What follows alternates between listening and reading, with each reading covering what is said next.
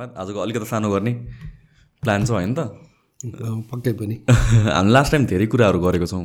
History एकदमै अगाडिदेखि ancient एरादेखि early के मेनको डेजदेखि सुरु गऱ्यो हामीले होइन? धेरै राम्रो रेस्पोन्स आएको थियो त्यतिखेर पनि।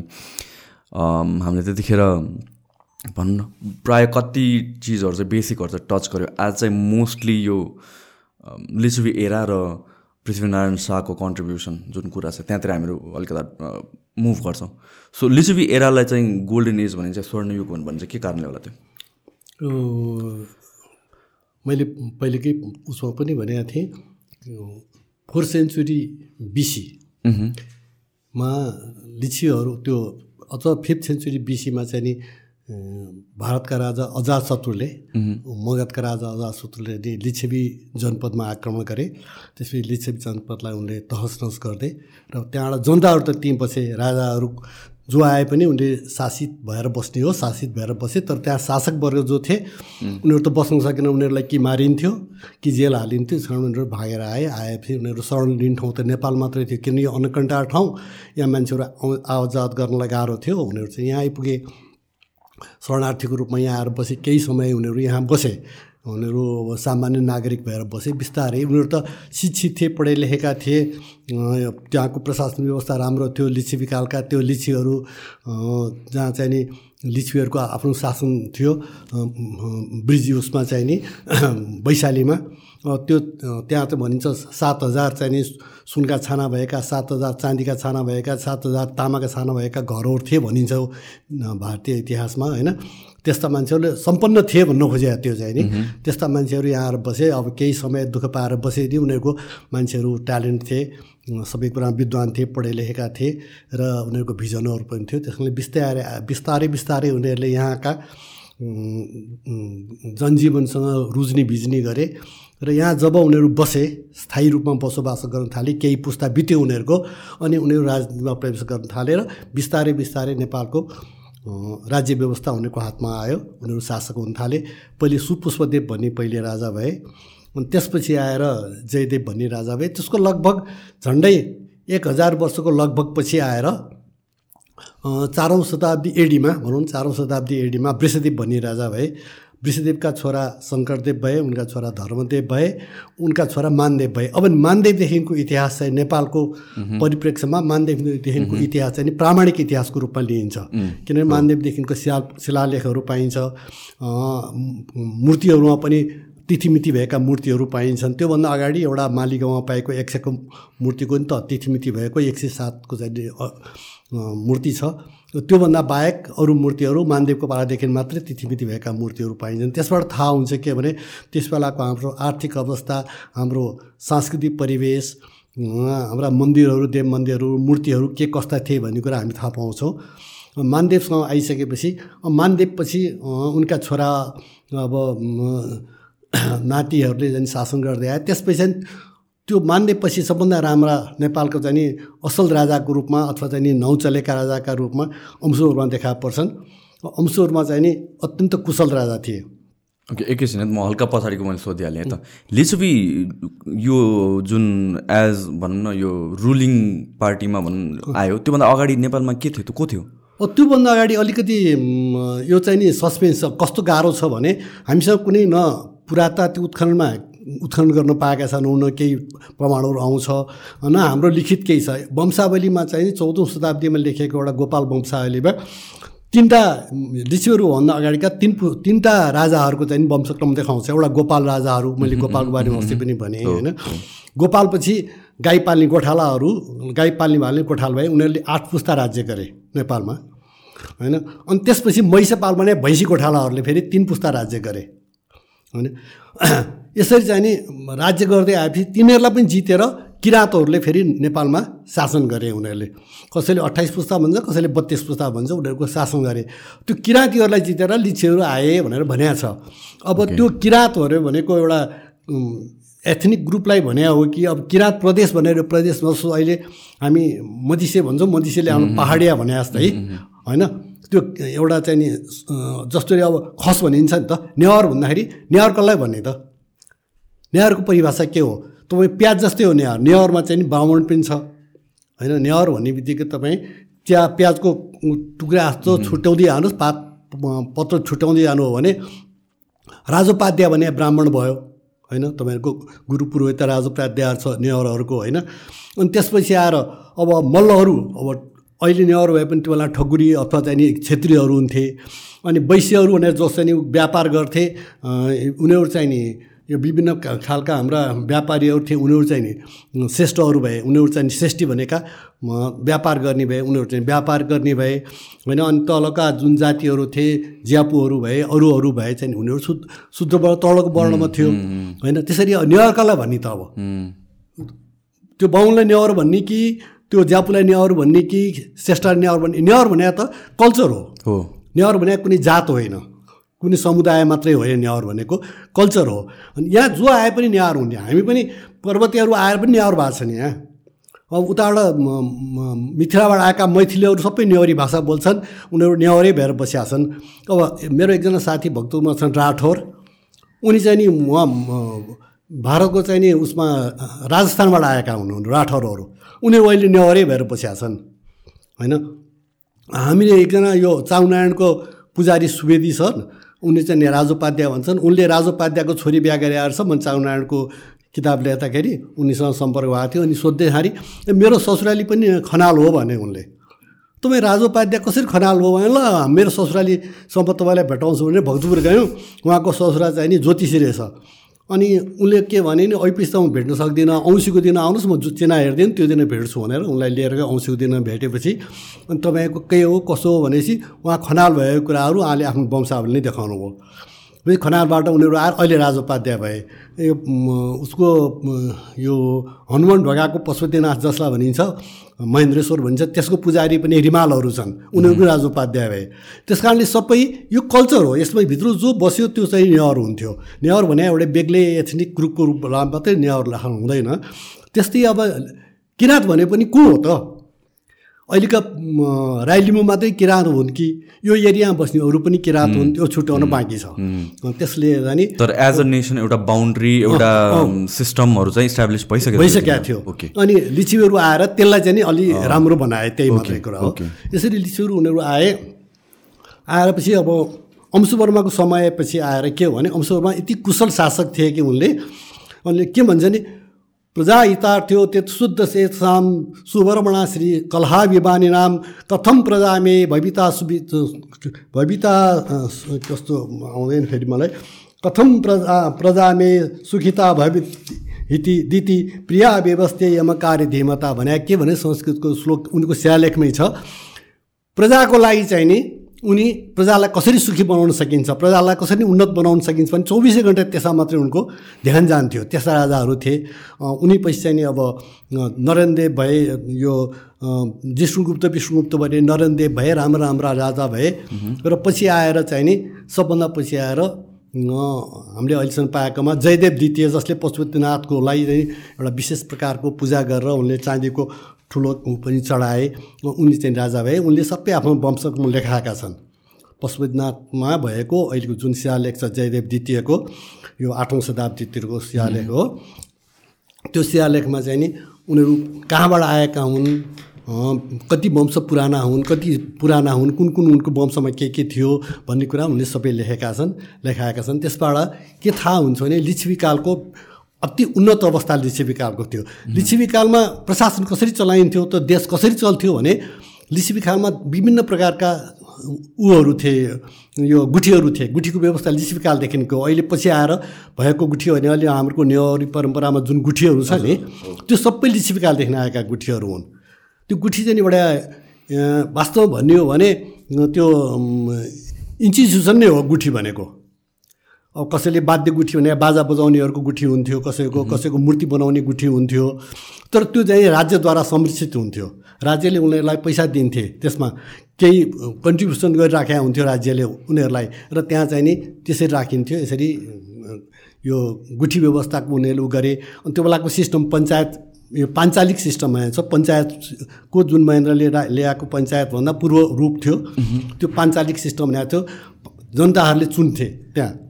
आफ्ना मुखिया त्यो जस्तो प्रधानमन्त्री भने जस्तै उसलाई चुन्थे त्यहाँका सदस्यहरूलाई चुन्थे भोटिङ गरेर त्यो चुनिन्थ्यो। र उनीहरू त्यसपछि उनीहरू चाहिँ नि त्यहाँ त्यसका पदाधिकारी हुन्थे। यसरी त्यो व्यवस्था थियो। र त्यसै कारणले त्यो बेलाको जनधन राम्रो थियो मान्छेहरू पढे लेखेका थिए विद्वान थिए। हाम्रा जति शिलालेखहरू पाउँछौँ हामी उच्च खालको संस्कृतमा लेखिएको शिलालेखहरू छ त्यो बेला विद्याको त धेरै माथि गएको थियो। अनि आफ्नै पैसा थियो। लिच्छिविकारमा राजाहरूले आफ्नै पैसा नाउँमा पैसा चलाएका थिए। मानदेवको मानाङ्क मुद्रा छ अंशुब्राको महाराजा धिराज भने अंशुब्राको मुद्रा छ। त्यसपछि आएर यो जिष्णुगुप्तको उसले पनि उसको नि मुद्रा छ। पछि आएर पशुपतिनाथको नाउँमा थुप्रै मुद्राहरू निस्के विभिन्न राजाहरूको समयमा। त्यसरी आर्थिक स्थितिमा पनि नेपाल निकै बलियो थियो। र त्यति मात्रै होइन। यो हुँ उसबाट जब चिनिया एकजना उसलाई चाहिँ नि इन्डियाले कैद गर्यो त्यसपछि आएर चिनको सहयोगमा चाहिँ नेपालले सात हजार अश्वारोही सात हजार चाहिँ घोडा चढ्ने सैनिकहरू चाहिँ दियो। चिनको मद्दतको लागि र उनले चाहिँ त्यहाँ गएर अरुणाचललाई चाहिँ विजय गरे। सात हजार अश्वारोही थिए त्यहाँ घोडा चढ्ने सेनाहरू थिए। हात हतियार भएका थिए। मानदेवको शिलालेखमा चाउको शिलालेखबाट के थाहा हुन्छ भने उनका हात्तीहरू पनि थिए। असल सयौँ असल हात्ती घोडा लिएर मामा आजै गण्डकी नदी तर्नुहोस् भनेको छ मानदेवको शिलालेखमा होइन? पश्चिम पूर्वतिरका पश्चिमतिरका सामन्तहरूलाई कज्याउँथे उनीहरूले। अब त्यस्तो अवस्था थियो लिच्छिविकालको लिच्छिविकाल धेरै उन्नत अवस्थामा थियो। जब लिच्छिविकालको अन्त्य हुन थाल्यो बिस्तारै अनि बिस्तारै फेरि टुक्रिँदै गयो यसरी। सो यो म अलिकति एउटा अर्को क्वेसन सोध्छु। यो जुन शिलालेख भन्ने भनिन्छ नि त त्यो कसरी लेख्ने चलन के हो र त्यो के ढुङ्गामै लेखिन्थ्यो सबै? सबै ढुङ्गामै लेखिन्थ्यो। सो एकजनालाई लेख्न लगाइन्थ्यो? अब के हुन्थ्यो भने विद्वानहरूले पहिले लेख्थे। अब कागजमा अथवा ताडपत्रमा लेख्थे भनौँ न अथवा भोजपत्रमा लेख्थे केही कुरामा लेख्थे उनीहरूले होइन? लेखेपछि जो मान्छे कुद्न जान्दथ्यो नि अक्षर कुद्ने। अब हाम्रो शिल्पकार उसले चाहिँ त्यो अक्षर ठ्याक्क ऊ अक्षर त लेख्न जान्ने राम्रो अहिले पनि हाम्रो शिलालेख लेख्नु पऱ्यो भने पाटनमा गयो भने शिलापत्र हामीले भन्दा राम्रो अक्षरमा लेखा हुन्छ उनीहरूले। त्यस बेलामा त्यो अक्षरमा उनीहरूले लेख्थे। र त्यो चाहिँ नि विद्वानहरूले लेखेका शिलालेखलाई सार्ने काम मात्रै उनीहरूले गर्थे त्यसलाई कुन्ने काम मात्रै गर्थे। त्यो शिलापत्रमा पनि हुन्थ्यो र तामापत्रमा पनि हुन्थ्यो। तामापत्रको उल्लेख पनि नरेन्द्र देवको यो उसमा पाएको पशुपति को उसमा पाएको अ, नरेन्द्र देवको शिलालेखमा पनि ताम्रपत्रको उल्लेख छ। देवपाटुङको शिलालेखमा के- सो सो त्यो तामाको त्यो प्लेटमा लेखिने? प्लेटमा सबै लेख्ने तामाको प्लेटमा लेखिने। नत्र भए चाहिँ के ढुङ्गामा हो? स्ट्यान्डर्ड स्ट्यान्डर्ड ढुङ्गामा लेखेपछि त्यो सधैँको लागि स्थायी भयो। तामापत्र त कुनै बेला कसैले गाल्न सक्छ। अर्को कुरामा युज गर्न सक्छ होइन? तर ढुङ्गा त कसैले केही गर्दैन नि। सो त्यस्तो ढुङ्गाहरू चाहिँ कस्तो सिचुएसनमा भेटिन्छ तपाईँले हेर्दा होइन अब त्यो त कस्तो भने हरेक मन्दिर अब त्यो बेलाका राजाहरूले ढुङ्गालाई के गर्थे भने त्यस्तो शिलापत्र राख्नु ढुङ्गा सार्वजनिक ठाउँमा राख्थे उनले। जसरी अब भनौँ न एउटा राजाले के आदेश जारी गर्नु पर्यो? र आदेश अहिले जस्तो पेपरहरू थिएन प्रेस पनि थिएन मान्छेलाई घरमा कसरी थाहा पाउँथ्यो थाहा थाहा त हुँदैन थियो। नोटिस बोर्ड जस्तै भयो त्यो चाहिँ नोटिस बोर्ड जस्तो कस्तो भनेदेखि त्यो चाहिँ अब कस्तो ठाउँमा राख्थ्यो भने जहाँ मान्छेहरूको पब्लिकहरूको बजेट ग्यादरिङ हुन्थ्यो जब पब्लिकहरू जो जान्थे मन्दिरमा मन्दिरमा दर्शन गर्न जान्थे होइन? चौबाटो पारेर बाटो हिँड्ने मान्छेहरूले देखिने गरेर मन्दिर बिहार यस्ता कुराहरूमा चाहिँ नि उनीहरूले शिलापत्र राखिदिन्थे सबैले पढ्ने गरेर राखिदिन्थे र त्यो शिलालेखमा चाहिँ आदेश दिया हुन्थ्यो यो गर्ने यो नगर्ने नियम कानुन हुन्थ्यो त्यो शिलालेखमा के के गर्नुपर्छ के के गर्नु हुँदैन। त्यो बेला स्वास्थ्य मान्छेहरूलाई पनि धेरै फ्रिडम दिएको थियो। तपाईँको यो नक्साल नारायण चौरको एउटा शिलालेख छ यो उसको जयदेव द्वितीयतिरको शिलालेख छ त्यसमा के लेखाएको छ भने कुनै स्वास्नी मान्छेहरूले अब सन्तान भएन भने अब कुनै स्वास्नी मान्छे चरित्रविहीन भई अर्कोहरूसँग लाग्ने भई भने उसको सन्तान भएन भने उसलाई मामचोका अधिकारीहरूले दण्ड गर्नु। यदि सन्तान भयो भने उसलाई केही नगर्नु भने त्यो बेला जनसङ्ख्या थोरै भएकोले जनसङ्ख्या वृद्धि होस् भन्ने चाहिँ शासक वर्गले चाहन्थ्यो। र त्यसरी चाहिँ त्यो स्वास्नी मान्छेहरूलाई नि फ्रिडमहरू दिएको थियो राम्रोसँग त्यो बेला स्वास्नी मान्छेहरूको धेरै इज्जत त्योहरू थियो। अहिले राजा मानदेवले आफ्नो श्रीमतीको नाउँमै मुद्रा गरेका थिए एकापट्टि मान मानाङ्क लेखाएको छ अर्कोतिर भोगिनी भनेको छ उनको रानीको नाउँ भोगिनी छ भोगिनी भनेर आफ्नो शिलालेख त्यो मुद्रामै अक्षर कुदाएका छन्।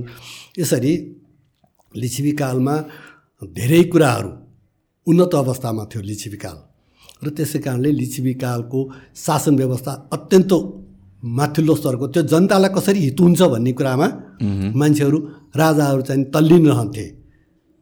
र यसरी लिच्छिविकालको झन्डै झन्डै अब त्यो इसापूर्व चारौँ शताब्दीदेखि लिएर इसाको आठौँ शताब्दीसम्म। त्यत्रो वर्ष झन्डै चौध पन्ध्र सय वर्षसम्म लिच्छिवीहरूले नेपालमा शासन गरे। लिच्छिवी शासन गरिसकेपछि अब जयदेव द्वितीय पछि बिस्तारै के भयो भने तपाईँको नेपाल विखण्डन सुरु हुन थाल्यो। जयदेव द्वितीय पछि इतिहास हरायो हाम्रो इतिहास केही पनि थाहा पाउँदैन हामी। बिचमा हाम्रो ग्याप छ अब अँ त्यसपछि दुई सय वर्षसम्म हामीलाई के पनि थाहा छैन लगभग दुई सय वर्षसम्म थाहा छैन थाहा छैन के पनि थाहा छैन। फट्टफुट्ट एउटा दुइटा त्यो मूर्तिहरू पाइन्छ एउटा दुइटा फुटेका शिलालेख सानो सानो अक्षर लेखेका शिलालेख पाइन्छ एउटा दुइटा हरफ मात्र भएको त्यहाँ राजाका नाउँ पनि हुँदैनन् त्यहाँ जनताको विशेष ऊ पनि सम्बोधन गरिएको नि हुँदैन। कस कसैले केही राखेर धारा बनाएर एउटा राखिदिया हुन्छ कसैले कसैले एउटा मूर्ति बनाएर राखिदिया मात्र हुन्छ मैले यसो बनाएर राखेँ भन्ने भन्दा बाहेक अन्धकार युग छ भनिन्छ त्यसलाई। त्यो कहिलेसम्म रह्यो भने झन्डै नेपालसम्म सुरु हुनु बेलासम्म रह्यो। अनि नेपालसम्म त्यसपछि आएर त्यो बेलामा कस्तो प्रकारको व्यवस्था थियो कसरी चाहिँ राज्य सञ्चालन हुन्थ्यो भने कोही पनि थाहा पाइँदैन। लिच्छिवीकालको त्यत्रो उन्नत अवस्था थियो। लिच्छिवीकालमा चाहिँ नि प्रशासन व्यवस्था राम्रो थियो। लिच्छिवीकालमा के थियो अर्को कुरा भने अधिकरण भन्ने हुन्थ्यो अड्डाहरू। विभिन्न ठाउँमा अड्डाहरू थिए। हेर्नुहोस् अधिकरण भन्ने। अनि पूर्वाधिकरण पश्चिमाधिकरण पिटाधिकरण त्यहाँबाट भट्टाधिकरण भन्ने धेरै प्रकारका अधिकरणहरू अड्डाहरू थिए। के त्यसको फङ्सनालिटी के हो काम के हो? पूर्वतिरको अधिकरणले पूर्व पूर्वी भागलाई हेर्थ्यो।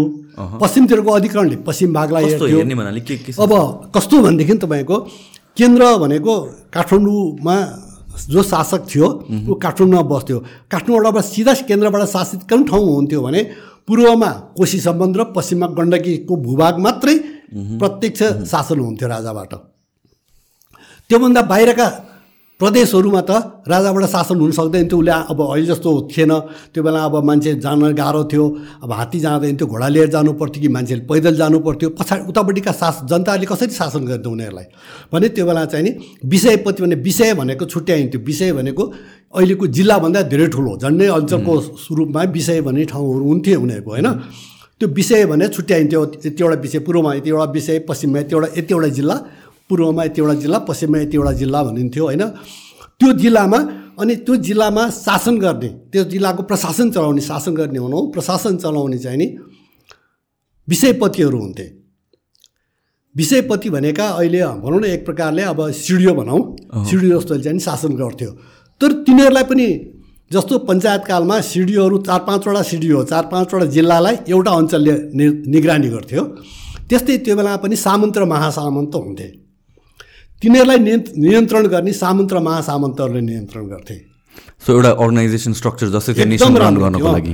उनीहरूलाई पहिले राजाबाट सामन्त र महासामन्त नियुक्त हुन्थे। अनि उनीहरूकै सिफारिसमा राजाद्वारा विषयपति नियुक्त हुन्थ्यो। विषयपतिले जुन जुन ठाउँमा आफ्नो काम गर्थे त्यसको निगरानी गर्ने काम सामन्त र महासामन्तहरूले गर्थे यसरी लिच्छविकालको प्रशासन व्यवस्था न्याय व्यवस्था धेरै उच्च कोटिको थियो धेरै राम्रो थियो व्यवस्थित थियो। सो यस्तो सबै चाहिँ सिस्टममा आएको पनि एउटा रेनिङ पिरियड कसरी एन्ड भयो त? अब म भन्दैछु। त्यसपछि आएर यसै राम्रो गइराख्या शासन व्यवस्था थियो। अब त्यो बेला मैले भने मुद्रा पनि आफ्नै थियो। होइन? अब यहाँका सुनका गरगहनाहरू पनि थिए किनभने त्यो उसको भृङ्गारेश्वरको अभिलेखमा पनि पाउजे भन्दा बाहेक अरू तिमीले लगाउनु पाउने सुनका गहना भन्ने आदेश दिएको छ सुनका गहनाहरू लगाउनु पाइन्थ्यो भने सुन थियो नै गहना लाइन्थ्यो सुनको होइन? सुनहरू पनि हामी कहाँ थिए चाँदीका त मुद्रा नै हामी कहाँ थिए। अब सुनका मुद्राको पनि उल्लेख आउँछ कार्सा पण पण पुराण भन्ने मुद्राहरूको नाउँहरू आउँछ हाम्रो होइन? अब सुन र चाँदीका मुद्रा हामी कहाँ किन रहेनन् भने त्यो गालेर पछि त सुनको भाउ बढ्दै गयो चाँदीको भाउ पनि बढ्दै गएपछि ती मुद्राहरू गालेर पैसा मान्छे कमाउनु थाले। अब अहिले पो त्यसको सङ्ग्रह गर्नुपर्छ भन्ने मान्छेलाई लाग्यो। त्यो बेला त्यस्तो लाग्दैन थियो। र तामाको चाहिँ नि अहिले पनि थुप्रै मुद्राहरू पाइन्छन्। यसरी तामाका मुद्राहरू पनि सँगै सुनका र चाँदीका मुद्राहरू पनि थिए।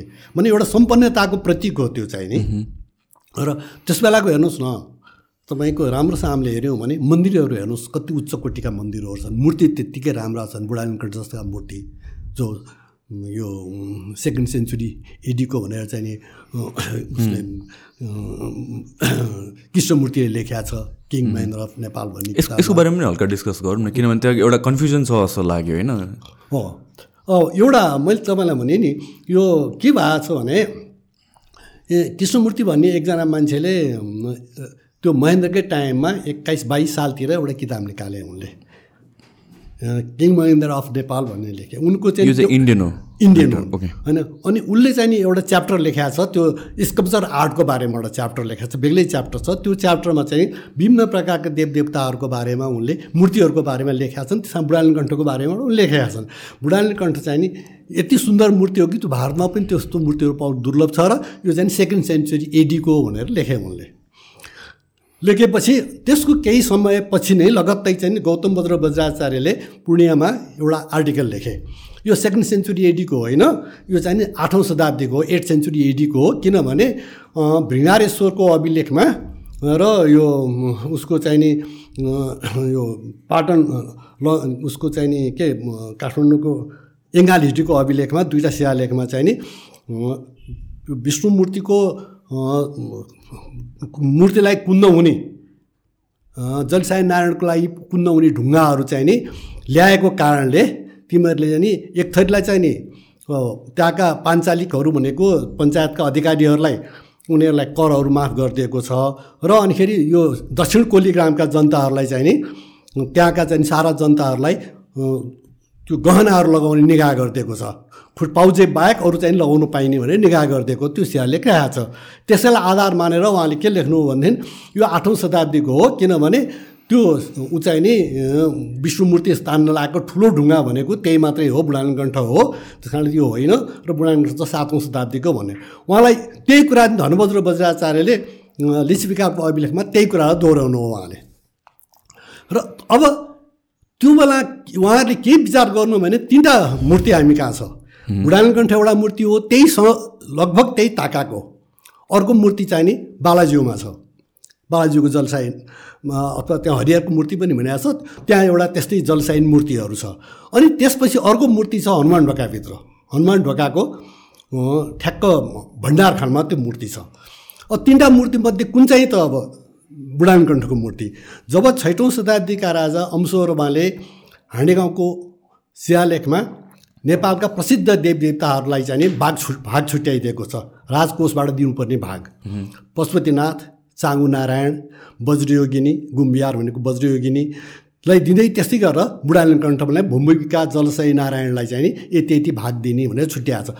छैटौँ शताब्दीका राजा अंशोर्माले चाहिँ नि बुढालिनकण्ठलाई भनेर भूमिका जलसाय नारायणको लागि पैसा छुट्याइदिएको छ भाग छुट्याइदिएको छ भने अब त्यो मूर्ति होइन आठौँ शताब्दीमा त्यो मूर्ति छ भनेपछि भूमि भूमिका जलसाय नारायण मेरो कहाँ थियो त?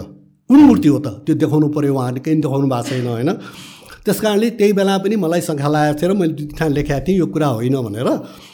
पछि म एक दिन यसो घुम्दै गएको थिएँ मेरो एकजना भानिसँग त्यहाँ बुढानकण्ठ पुगेपछि अनि एक थरी त्यो साउथ इन्डियन एउटा ग्रुप आयो र उसले के भन्यो भनेदेखि त्यो गाइडले साउथ इन्डियन नै गाइड थियो उसले त्यो ज बुढानकण्ठको मूर्ति देखाएर यो इन्डियामा पनि यति राम्रो मूर्ति पाउनु दुर्लभ छ तर यो मूर्ति चाहिँ सेकेन्ड सेन्चुरी एडीको हो भन्यो। त्यतिकै भयो हामी फर्क्यौँ। त्यसपछि फेरि बेलुखेर हामी त्यहाँ एउटा कार्यक्रममा गएको थियौँ बेलुका फर्किने बेलामा फेरि त्यहाँ यसो बस्दाखेरि नेपालीले एउटा ग्रुप लिएर गयो। र त्यही नेपालीले चाहिँ यो युरोपियनलाई के भन्यो भने यो चाहिँ नि आठौँ शताब्दीको एट सेन्चुरी एडीको हो भनेर भन्यो। अब त्यसपछि चाहिँ नि मैले भने अब यो चाहिँ जनताले थाहा पाउनुपर्छ भन्ने कुरा मलाई लागेर मैले बुढानकण्ठको प्राचीनता भन्ने लेख चाहिँ नि मैले प्रकाशित गरेँ। त्यो चाहिँ प्रकाशित चाहिँ नि यो साझाबाट निस्किने गरिमा भन्ने पत्रिकाले प्रकाशित गरिसकेका छ। त्यसमा त्यो कति सेन्चुरीको हुने मैले लेखिदिएको छु। त्यो किनभने यदि सेकेन्ड सेन्चुरीमा यिनीहरूलाई स्वीकार गर्न अप्ठ्यारो हो भने त्यो पाँचौँ शताब्दीभन्दा अगाडिको हो भन्ने कुरा मैले त्यहाँ स्पष्ट लेखेको छु। सब प्रमाण दिएर त्यो मूर्तिलाई त्यस कारणले यस प्रकारका मूर्तिहरूको बारेमा त्यहाँ राम्रोसँग अध्ययन पढ्नु भने थाहा हुन्छ। हामीले आफैले नेपाली चाहिँ नि भन्छ त्यो आठौँ शताब्दीको भन्छ।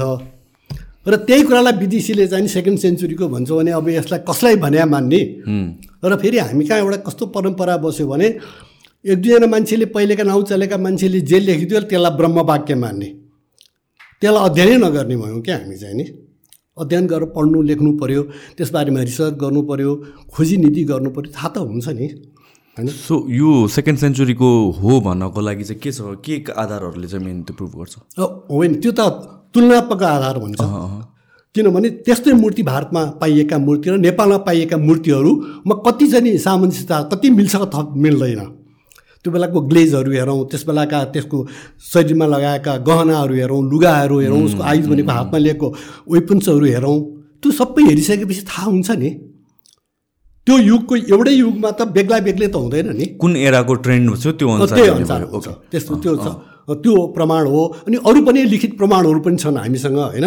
त्यो किन वंशावलीमा लेखिदिएका कुनै कुरा अब तपाईँको छ सात सय वर्ष अगाडि लेखेका बाह्र पन्ध्र सय वर्ष अगाडि लेखेका भएका कुरालाई अहिले लेखेको वंशावलीमा लेखिदिएका कुरालाई कसरी मान्ने त? कथाको रूपमा आएर मान्नु त भएन प्रमाण त भएन त्यो। अनि भूमुपिका जलसाई नारायणको भुयो जोशी भनेर चाहिँ नेवारी भूमुपिका भनेको के भने त्यो जहिले पनि नारायण चाहिँ नि जलमाथि यो क्षीरसागर भन्छ क्षीर भनेको समुद्रको दुधको समुद्रमा नारायण हुन्छन् भन्ने कुरा हाम्रो पुराणहरूले भनेको छ होइन त्यो भूमिपिकाको चाहिँ नि अर्थ के हो त्यो त थाहा छैन तर त्यही नारायणलाई चाहिँ नि भुयो जसी भनेको भुयो भनेको देवरीमा चाहिँ दुध जस्तो सेतो सफा हुन्छ। त्यसैमाथि बसेका नारायण भनेर त्यो लेखिदिएकै छ भने त्योभन्दा बढी प्रमाण के चाहियो अर्को? होइन यसरी चाहिँ नि डकुमेन्टेड नै छ डकुमेन्टेड छ र यो चाहिँ नि सबैले पढ्नुभए हुन्छ। गरिमामा निस्किया छ अहिले हालसालै निस्किएको हो। र मेरो बुढानकण्ठाको प्राचीनताका बारेमा भनेर मैले एउटा आर्टिकल लेखेको छु। यस्तै खालका धेरैहरू हामी कहाँ कन्फ्युजन छ कसैले चाहिँ नि एउटा मूर्तिलाई थाहा नै हेर्दै नहेरिकन पुरानो भन्छन् कसैले त्यसलाई नयाँ भन्छन्। भयो एउटा त्यसमा एउटा ट्रेन नै बसेन कि यसलाई खोजी गर्ने एउटा त्यस्तो इन्स्टिट्युसन नै भएन जसले एउटा व्यवस्थित रूपले सबै एउटा विद्वानहरू बसेर त्यसमा खोजी गर्ने गर्ने हामी कहाँ खुट्टा ताना तान मात्रै छ कि तैँले लेखा कहाँ हुन्छ र मैले लेखा पो हुन्छ भन्ने कुरा हुन्छ। अनि त्यो लेख्दाखेरि पनि कस्तो हुन्छ भने तपाईँको अन द स्पट गएर त्यहीँ गएर तपाईँले अध्ययन गर्न थाल्नुभयो लेख्नुभयो भने तपाईँलाई बढी कुरा थाहा हुन्छ नलेज हुन्छ। अरूले लेखिदिएका भरमा त्यो ल्यायो अनिखेरि एकजना साथ अहिले कम्प्युटरमा राखिदियो ल यो यो ल्याऊ यहाँ जोडिदियो यसो गर्दो भनेर लेखेर किताब लेखेर मात्रै त्यो चाहिँ नि मलाई लाग्छ त्यति प्रामाणिक होला जस्तो मलाई लाग्दैन किनभने त्यहाँ मेहनतै भएको छैन। उसले कतिसम्म हेर्छ त्यही किताब पढ्या भएर भन्दा बाहेक उसले आफू गएर फिल्डमा त काम गरेको छैन। पहिले फिल्डमा गएर काम गर्नु पऱ्यो फिल्डमा गएर काम गरेर मात्रै थाहा हुन्छ कति गाह्रो छ भन्ने कुरा। कोठा बसेर त लेख्न त्यति गाह्रो छैन। त लेख्न सकिन्छ। दसवटा किताब राखेर एउटा किताब त लेख्न सकिन्छ नि। कम्पाइल गरे मात्रै कम्पाइल गरे मात्रै हो त्यो। खालि के भने एउटाबाट अर्कै खा खालको नयाँ प्रकारको एउटा त्यहाँनि कन्सेप्ट ल्याएर कम् कम्पाइल गरे मात्रै हो। त्यस प्रकारको परम्परा हामी कहाँ बस्यो? त्यही एउटा मलाई कन्सर्निङ लागेको अघि हामीले कुरा गरेर आएको थियौँ नि कि यो गभर्मेन्ट रेकग्नेसन या भन्छ त्यो लेभलमा हिस्ट्री को एउटा समिति चाहिँ छैन क्या हाम्रोमा? त्यो चाहिँ हुनुपर्ने हो नि त। किनभने त अब छुट्टा छुट्टै सबैजना हिस्टोरियन्स भयो भने भने त। तपाईँले एउटा कुरा भन्छ अर्कोले अर्को भन्छ अर्कोले अर्को भन्छ। मान्ने चाहिँ के? करिकुलममा राख्ने कि? मैले के पत्याउने? मेरो साथीले के पत्याउने? हाम्रो हिस्ट्री नै मिलेन के? त्यसमा त्यो त नेसनको त एउटा हिस्ट्री भने त बताइदिन्छु किनभने हामी कहाँ यो अब पोलिटिक्समा नजाउँ भन्दा भन्दै कहिले काहीँ छ आउँछ। हाम्रो यो सबैजना पोलिटिसियनहरूले बिगारे। छयालिस सालभन्दा अगाडि यो सिनासमा centre for Nepali and Asian studies जसलाई हामी नेपाल एसियन एसियाली अनुसन्धान केन्द्र भन्छौँ। अहिले युनिभर्सिटी पनि छ त्यो सेडा जस्तै हो त्यो सेडासँगै छ। त्यसले के गर्थ्यो भनेदेखि त्यहाँबाट राजा वीरेन्द्रले आफ्ना भिनाजु कुमार खडे विक्रमलाई त्यहाँ डाइरेक्टर बनाएर ल्याए। डाइरेक्टर बनाएर उनीहरू आइसकेपछि उनले एउटा राष्ट्रिय इतिहास परियोजना भनेर सुरु गरे उनले। र विभिन्न विद्वानलाई। नेपालका जतिवटा इतिहासमा काम गर्ने विद्वानहरू छ ती विद्वानहरूलाई एउटा एउटा टपिक्समा चाहिँ नि काम गर्न दिए उनले प्रोजेक्ट दिए। उनले यसमा तपाईँ लेख्नुहोस् हामी छाप्छौँ भनेर। र उनले कल्चरल इन्साइक्लोपिडिया पनि तयार गरे उनले तयार गर्न लगाए। त्यहाँ जापासको जापानको टोयटा फाउन्डेसनले नै पैसा चाहिँ नि लगानी गरेको छ। निकै उनीहरूले त्यहाँ पैसा दिएको छ हामीलाई पठाएको छ। त्यो गरेपछि राष्ट्रिय इतिहास भनेर करिब करिब छ सात भोलम निस्क्यो हामी कहाँबाट। र त्यो राष्ट्रिय इतिहास समिति कस्तो थियो भने नेपालका सबै विद्वानहरूलाई राखेर त्यसले गर्ने गरेको थियो त्यसले। त्यहाँ चाहिँ छलफल हुन्थ्यो त्यहाँ चाहिँ डिस्कसनहरू हुन्थ्यो। अब कुन केही कुराहरू मान्छेलाई शङ्खा भयो भने त्यहाँ आएर कुराहरू हुन्थे। त्यसरी एउटा राम्रो योजना लिएर अघिल्तिर बढिसकेका थियो नेपालको राष्ट्रिय इतिहास परियोजना भनेर सुरु गरिसकेका थियो। म त सेनासमै बस्या हुनाले कुरा मलाई कन्ठै थाहा छ। र इन्साइक्लोपिडिया पनि यतापट्टि सुरु भएपछि कल्चरल इन्साइक्लोपिडिया पनि हामीले सुरु गरिसकेका थियौँ। र थुप्रै लेखहरू आइसकेका थिए बाहिर। हामीले त्यसलाई कम्पाइल गरेर अनि त्यसलाई एडिट गर्न सुरु गरिसकेका थियौँ। त्यसपछि अब अनफर्चुनेटली भन्नु पर्ला भन्नु पऱ्यो अहिले आएर किनभने यो व्यवस्था गरेर आएर सत्तालिस साल सुरु भएपछि सत्तालिस सालपछि त्यो गयो सिद्धियो अब। छ्यालिस सालको आन्दोलनपछि सत्तालिस साल सुरु भयो। त्यसपछि त्यो दुइटै खारिज गरियो। नेपालको राष्ट्रिय इतिहास परियोजना पनि खारिज गरियो। त्यसमा कतिवटा प पब्लिस भए मेरो पनि मेरो किताबहरू छाप्यो अरू किताब मेरो पनि दुई तिनवटा किताबहरू छाप मैले सिमरनगढको इतिहास त्यतिखेर लेखेँ मैले यो सेन राज्यको इतिहास त्यतिखेर लेखेँ त्यो अन्तर्गतै पढ्थ्यो। र नेपालको मूर्तिकलाको बारेमा मैले त्यही बेला लेखेँ। तिनवटा किताब मेरो त्यसभित्र पऱ्यो। र अरू कति विद्वान साथीहरूको पनि कतिवटा किताबहरू छापे कतिवटा अहिले पनि बेपत्ता छन् छापिएनन् त्यहाँ ल्याएर राख्यो थन्क्याइयो कि अब कतै नष्ट गरियो कि अहिले पनि कहाँ छन् मलाई थाहा छैन। र कल्चर कल्चरल इन्साइक्लोपिडियाको जुन हामी कहाँ काम भइराखेको थियो त्यो पनि स्टप छ। त्यो कहाँ छ कोसँग छ थाहा छैन। कुमार खडविक्रमलाई चाहिँ अब दरबार हत्याकाण्डमा उनको पनि हत्या भयो। उसकोबाट थाहा भएन कहाँ छ भन्ने कुरा अब उनलाई पनि थाहा हुनु त्यो त अफिसमै राख्ने कुरा हो उनले घरमा ला पक्कै लाने कुरा होइन। त्यसपछि आएर पोलिटिकल पार्टीबाट मान्छेहरू डाइरेक्टर भएर आए त्यहाँ। भएपछि आफ्नो हिसाबले काम गर्न थाले। अब कसले चाहिँ कतिलाई गरे प्रकाशित गरे अब त्यसमा चाहिँ नि एक दुईजना मान्छे राम्रा पनि थिए। उनीहरूले गरे। जस्तो अब यो कस्तो नाउँ अलि बिर्सिन थालेँ म। प्रेम कुमार खत्री। उनले दुई चारवटा किताबहरू राम्रो पनि छापे होइन? त्यस्ता विद्वामा प्रोफेसर ए उहाँ पनि उहाँले पनि छाप्नुभयो। अरू अरू छाप्नु लगाउनु उहाँ डाइरेक्टर हुँदाखेरि अरूले नि गरे दुई चारजनालाई। अब कुनै डाइरेक्टरहरूले केही पनि गरेनन् त्यो भएका कुराहरूलाई पनि वास्ता गर्दैनन् त्यसरी गरेर। यसरी हाम्रो भएको इतिहास भएपछि हिस्ट्री नै हटाउँदै गयो र अहिले विश्वविद्यालयमा हिस्ट्री डिपार्टमेन्टमा मान्छे छैनन्। दुईजना टिचर के विद्यार्थी छन् भने दसजना टिचर छन् र कल्चरको पनि त्यही हालत छ।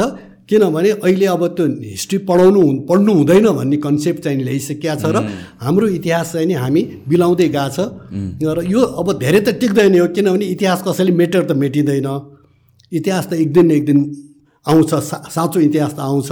जसले पुरानो इतिहास मेटेर आफ्नो इतिहास ल्याउन खोज्छ त्यसको इतिहास पछि पछि नष्ट भएर जान्छ पुरानो इतिहासले कायम गर्छ त्यो संसारको इतिहासले बताउँछ। तपाईँको अहिले अमेरिकामा पनि रेड इन्डियनहरूको इतिहास हुनेले मासेको थियो अहिले चाहिँ बिस्तारै राज राइज भएर आइरहेको छ। कोलम्बसको रियालिटीहरू आइरहेको छ। बाहिर आइरहेको छ कोलम्बसभन्दा अगाडि दुई सय वर्ष अगाडि नै चाइनिज आएर अमेरिका पत्ता लगायो भन्ने कुरा आइरहेको छ अहिले। त्यस कारणले भएका कुराहरू त पछि केही समय लाग्ला त्यो चाहिँ पछि आइहाल्छ। त्यही तर मलाई अचम्म लाग्ने कुरा भन्नु भनेको किनभने हिस्ट्री भनेको त डेटा हो नि त हिस्ट्री भनेको एक्सपेरिमेन्टेसन होइन। रिसर्च हो अलिकति तलमाथि हुनसक्छ तर फ्याक्ट्स चाहिँ सबैजनाको चाहिँ सेम हुनुपर्छ जस्तो मलाई लाग्छ कि। र त्यो युनिभर्सल फ्याक्टबाट अनि करिकुलम बन्यो नि त त्योबाट अनि पब्लिकलाई थाहा हुनु पऱ्यो त्योबाट सिटिजनले हामीले आफ्नो हिस्ट्री थाहा पाउनु पर्ने हो। तर जुन यो फ्याक्ट भनेर इस्टाब्लिस गर्छ फ्याक्ट नै सब्जेक्टिभ छ मान्छे अनुसार फरक छ भनेपछि हामी नै कन्फ्युज भयो कि हाम्रो आइडेन्टिटी के हो भनेर। अहिले के भयो भने म एउटा तपाईँलाई भनिदिन्छु। पहिले जुन बेला छयालिस सालभन्दा अगाडि चाहिँ नि कुनै कुराहरू हिस्ट्रीमा तलमाथि भयो भने राष्ट्रिय इतिहासमा यसै गरेर हामी बस्थ्यौँ टेबलमा टेबल टक गर्थ्यौँ।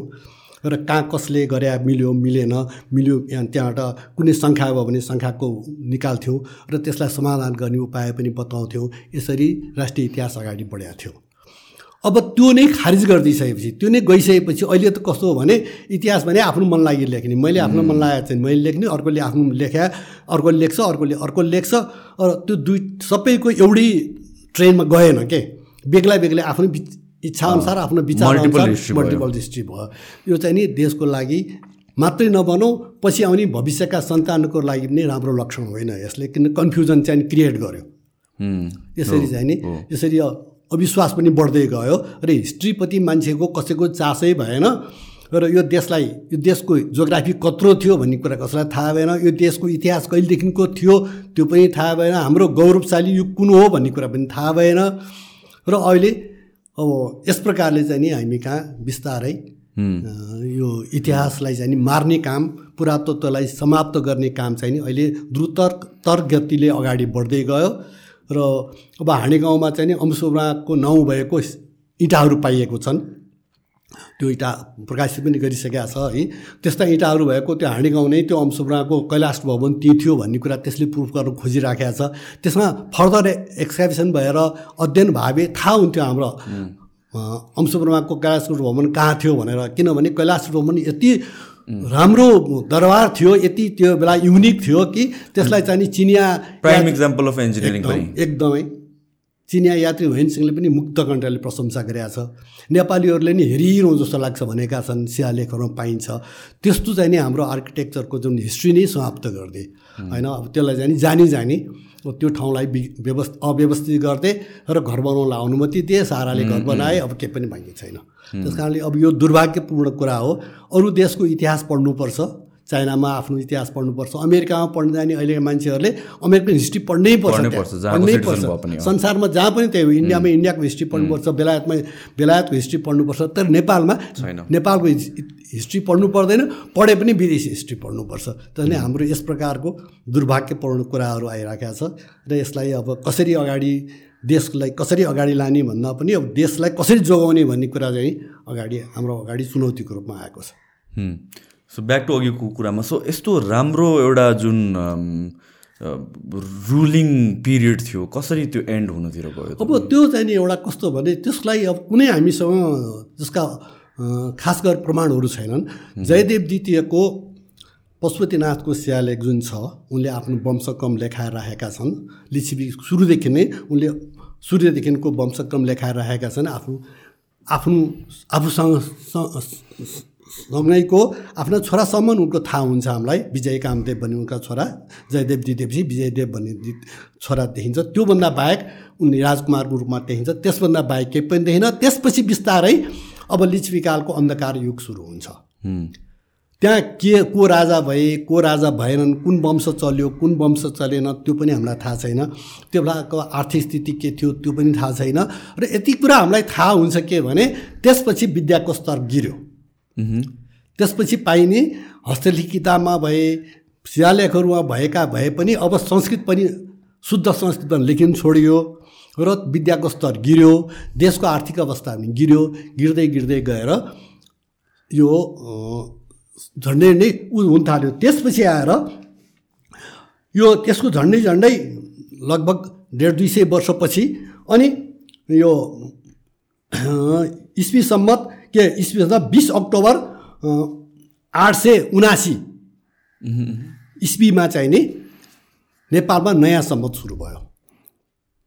त्यो चाहिँ नि रागदेव भन्ने राजाले उनको राज्यकालमा नयाँ सम्मत सुरु गरे। त्यो पशुपतिनाथको नाउँमा सुरु भयो त्यो सम्मत सम्मत सुरु भयो के कारणले सुरु भयो त्यो त हामीलाई थाहा छैन तर पशुपतिनाथको नाउँमा सुरु भयो पशुपति भट्टाराको सम्मत भनेर पशुपतिनाथको नाउँमा सुरु भयो त्यो सम्मत र त्यो सम्मत बिस्तारै पछि गएर सम्मत भयो र त्यही सम्मतलाई पछि नेपाल सम्मतको नाउँले प्रसिद्ध भयो। अहिले जुन नेपाल सम्मत छ त्यो नेपाल सम्मत सुरु भएको दिन चाहिँ नि बिस अक्टोबर आठ सय उनासी एडीमा इस्वी सम्मतमा नेपाल सम्मत सुरु भयो। एक हुन्छ त्योबाट यसरी नेपाल सम्मत सुरु भयो। नेपाल सम्मत सुरु भएदेखि चाहिँ अब नेपालको इतिहासमा अलिकति प्रकाश पर आउनु थालेको छ। नेपाल सम्मत सुरु भइसकेपछि केही काल झन्डै त्यो पनि सय सवा सय वर्षमा पनि अलि केही पनि त्यस्तो अभिलेखहरू पाइँदैन। त्यसपछि आएर नेपालसम्म एक सय सातदेखि अब अलिअलि शिलालेखहरू आउनु थालेका छन् पाइन थालेका छ होइन अनि हस्तलिख ग्रन्थहरू पनि पाइन थालियो। त्यसबाट के थाहा हुन्छ भने अब नेपालको इतिहासमा चाहिँ नि नयाँ युग सुरु भयो त्यसपछि आएर फेरि। तर लिच्छिविकालको युगलाई चाहिँ लिच्छिविकाललाई चाहिँ यिनीहरूले भ्याउन सकेनन् है। अगाडि अलिअलि बढ्दै थियो। सो एन्डिङ चाहिँ स्योर छैन कसरी एन्ड भयो भन्ने कुरा थाहा हुँदैन। जब लिच्छिविकालको अन्त्य सुरु भएर जब नेपाल सम्मत सुरु भयो नेपाल सम्मत सुरु भएपछि केही काल अलिक त्यो पनि अन्धकार जस्तै युग जस्तै रह्यो। थोर थोरै प्रकाशमा आएको छ त्योभन्दा पछाडि आएर। त्यसपछि के भयो भने तपाईँको त्यो लिच्छिविकालको के मल्लकालको जसलाई हामी मध्यकाल भन्छौँ मध्यकालको सुरुदेखिका अब केही अभिलेखहरू केही अब टिपोटहरू अब गोपाल वंशावलीमा पनि केही टिपोटहरू पाइन्छ अनि केही हस्तलेख ग्रन्थहरू पाइन्छ त्यो देखा पऱ्यो त्यसमा दुईवटा कुराहरू चाहिँ हामीले विचार गर्नुपर्ने कुरा छ। एउटा चाहिँ नि केन्द्र चाहिँ उपत्यका नै थियो काठमाडौँ उपत्यकाभित्र थियो केन्द्र। केन्द्रभन्दा बाहिरका पनि अब त्यो जुन हामी पहिले हामीले यो ऊ भनेको थियो नि के अरे ठाउँ ठाउँमा भएको? यो विषय भनेको थियो विषय। विषयहरू थिए नि जिल्लाहरू। त्यो जिल्लाहरू चाहिँ बिस्तारै त्यो जिल्लाहरू पछिसम्म पनि त्यो जिल्लाहरू रहे। अब गण्डीकुलमा विषय जिलोत जिलोद्गम विषय पन्नग विषय आदि विषय भएका नाउँहरू भएका जस्तो अब त्यसपछि अब ठुल्ठुला विषयहरू भए अब त्यहाँ चाहिँ नि त्यहाँ पनि सामन्तहरूको शासन चल्न थाल्यो। राजाले यहाँ केन्द्रबाट कन्ट्रोल गर्न सक्दैन थिए। राजा लामानेहरू उनीहरूले पहिले शासन गर्थे।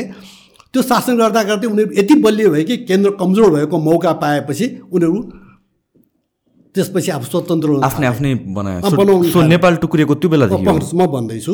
तर यो परम्परा चाहिँ मानदेवको समयमा पनि पाइन्छ। मानदेवका समय नै पूर्व पश्चिमका सामन्तहरूले विद्रोह गरे।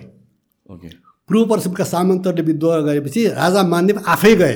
लडाइँ गर्न पूर्वका सामन्तहरूलाई चाहिँ तह लगाए उनले र पश्चिमका सामन्तहरूलाई पनि आफ्नो मामालाई पठाएर स्वयं असल हात्ती र घोडाहरू पठाएर गण्डकी पारीका सबै सामन्तहरूलाई तह लगाएका थिए।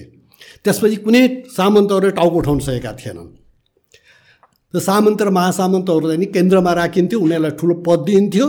त्यो पदको कारणले उनीहरू यहाँ बस्थे राजाप्रति लोयल हुन्थे देशप्रति लोयल हुन्थे उनीहरू चाहिँ केही गर्नु गर्दैनथे। तर मल्लकालमा आएपछि त्यो परम्परा हट्यो। मध्यकालमा आएपछि ती मध्यकालका सामन्तहरूले ती विषयमा शासन गर्ने सामन्तहरूले केन्द्र कमजोर भएको मौका छोपेर आफू स्वतन्त्र हुन थाले। विद्रोह गरेर स्वतन्त्र भए। आफ्नै सैनिक राखे आफ्नै प्रशासन चलाए र आफैले गर्न थाले उनीहरूले र त्यो केन्द्रबाट बिस्तारै छुट्दै गयो। शासन व्यवस्थाहरूमा केन्द्र चाहिँ बाट उनीहरू अलग हुन थाले। यो अब त्यस त्यति मात्रै होइन तपाईँको ठुला ठुला विषय मात्रै होइन साना पनि विषय उपत्यकाभित्र पनि दुई उपत्यका नजिक पनि दुईवटा विषय भने एउटा फनपिङमा विषय भनेर फर्पिङमा एउटा विषय बन्यो एउटा बनियम्पै विषय भनेर बनेपामा अर्को एउटा विषय बन्यो त्यहाँ पनि जिल्ला बने फर्पिङमा एउटा जिल्ला बन्यो पहिले त अब टाढा टाढा मात्रै ठुला ठुला जिल्ला हुन्थे राजाको शासन प्रत्यक्ष शासन हुन्थ्यो यता क्षेत्रमा। अब यहाँ यहीँभित्र पनि राजाको प्रत्यक्ष शासन हुन छोड्यो। र त्यहाँ पनि विषयपतिहरू भए। र ती विषयपतिहरू पनि पुस्तैनी अधिकार पाएका। बाउपछि छोरो हुन्थ्यो छोरोपछि नाति हुन्थ्यो। अरू कसैलाई इन्डिपेन्डेन्ट नै भयो त्यसपछि त? अँ, इन्डिपेन्डेन्ट नै भयो। र अब राजाको उतमा भए पनि त्यो अँ, सामन्तलाई हटाउनु राजाले सक्दैन थियो। बाउ मरेपछि उसको छोरालाई पनि दिनु पर्थ्यो कि नत्र विद्रोह हुन्थ्यो त्यहाँ।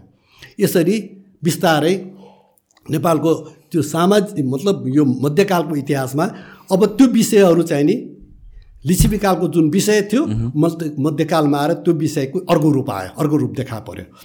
अब त्यो विषयहरूमा चाहिँ नि भएका सामन्तहरू जब स्वतन्त्र भएर बस्न थाले राज्य टुक्रियो। राज्य कसरी टुक्रियो भन्दा यसै गरेर टुक्रियो हेर्नुहोस्। बिस्तारै यसरी टुक्रिँदै गयो। अब जहाँ जहाँ जो जोले आफूले शासन गरेका थिए तिनीहरू आफू स्वतन्त्र हुन थालेर यिनीहरू चाहिँ नि एकदमै सङ्कुचित हुँदै गए। अब नेपाल भने कत्रो हो भन्दाखेरि त्रिशुली र कोसीको बिचमा नेपाल थियो। नेपाल भने त्यत्रो मात्रै भन्न थालेपछि आएर। उनीहरूको अब त्योभन्दा पूर्व पश्चिमका त्यत्रो आसामदेखि अहिलेको कुमाउँसम्मको त्यत्रो साम्राज्य अथवा चाहिँ गङ्गादेखि हिमालयको फेससम्म भएको त्यत्रो साम्राज्य साना साना टुक्रामा विभाजित हुन थाल्यो। त्यसपछि त्यो मौका छोपेर सामन्तहरूले विद्रोह गरेपछि तैपनि नेपाल टुक्रिसकेका थिएन। गरेपछि पश्चिमतिरका खसहरूले यो गुए प्रान्त भन्छ यो पश्चिम तिब्बतको। तिब्बतका राजा नागराज भन्नेले जुम्लामा आक्रमण गरे। त्यो पश्चिमी नेपालमा उनले गएर जुम्लाको सिन्जामा आफ्नो राज्य राजधानी कायम गरे उनले। र उनी स्वतन्त्र भएर बसे त्यहाँ। र उनले चाहिँ नि उनका छोरा नाति पनातिहरूले चाहिँ नि गढवाल कुमाउँ विजय गरे उनीहरू सपाद लक्ष्य भन्छ त्यो सवा लाख पर्वतको मालिक भनेर आफूले ल्याएको छ खसाधिपति खसको म अधिपति हुँ खसको रा खस राजा हुँ म भनेर उनले गर्वसाथ ल्याएका छन् अशोक चल्लेले उनले आएर के गरे भने अहिलेको बोध गया छ नि बोध गयासम्म उनीहरूको ऊ भयो। उत्तर काशीदेखि लिएर बोध गया हुँदै यिनीहरू अगाडि बढ्दै गएर यिनीहरू लुम्बिनी गए। लुम्बिनीबाट पनि लुम्बिनी पनि यिनीहरूको अधिकारमा आयो। र त्रिशुलीभन्दा पश्चिमको भूभाग चाहिँ सबै खसहरूको अधीनमा आयो अब त्यहाँ भएका सामन्तहरूलाई यिनीहरूले नष्ट गरिदिए र आफ्ना सामन्तहरू नियुक्त गरे। अनि त्यसलाई माण्डलिक भन्छ मण्डलाधीशहरू भएर माण्डलिकहरू चाहिँ नि त्यहाँ नियुक्त गरे उनीहरूले। अब सामन्त नभएर माण्डलिक हुन थाले त्यहाँका आएका अधिपति हुन थाले। र हरेक माण्डलिकहरूले चाहिँ आफै एउटा मण्डल हुन्थ्यो मण्डलमा माण्डलिक हुन्थ्यो उनीहरू चाहिँ नि खस राजा प्रति चाहिँ उनीहरू वफादार हुनुपर्थ्यो। यसरी चाहिँ नि पश्चिम नेपाल बिल्कुलै अलग भयो। हेर्नुहोस् त्यही बेलामा त्यसको केही समयपछि चालु चालुक्य इन्डियाको चाहिँ उसको कन्नाटवंशी चालुक्यका सेनापति नान्यदेवले चाहिँ नि अहिलेको हाम्रो सिमरनगढ सिमरनगढमा आक्रमण गरिदिए। सिमरनगढमा आक्रमण गरिदिए त्यहाँ बिना रक्तपात सिमरनगढ उनको हातमा आयो। अनि आएपछि उनले त्यहाँ त्यही बेलामा सिमरनगढमा आफ्नो राजधानी कायम गरेर उनी स्वतन्त्र राजा भए। अब हेर्नुहोस् पश्चिममा त्यसरी राज्य टुक्रिँदाखेरि पनि यहाँका राजाहरू चुप्लाएर बसे। केही पनि गरेनन्। त्यो बेला चाहिँ हर्षदेव र शिवदेव राजा थिए। होइन शिवदेवले त चाँदीको सुकी पनि चलाए भनेको छ तर उनले केही पनि गर्न सकेनन्। त्यसलाई चासो लिएनन् अथवा चाहिँ नि लड्न सकेनन् के भयो काहीँ केही रेकर्ड पाइँदैन। तर उनी हर्षदेव र उनका छोरा शिवदेवको समयसम्म कसैले केही गर्न सकेन त्योभन्दा पछि झन् गर्ने कुरै आएन। र पश्चिम नेपाल पनि स्वतन्त्र भयो। आफ्नो बेग्लै एउटा राज्य बस्यो खस राज्य बन्यो र दक्षिणतिर चाहिँ नि सिमरौडा भनेको हाम्रो तिरौत राज्य एउटा बेग्लै राज्य बन्यो।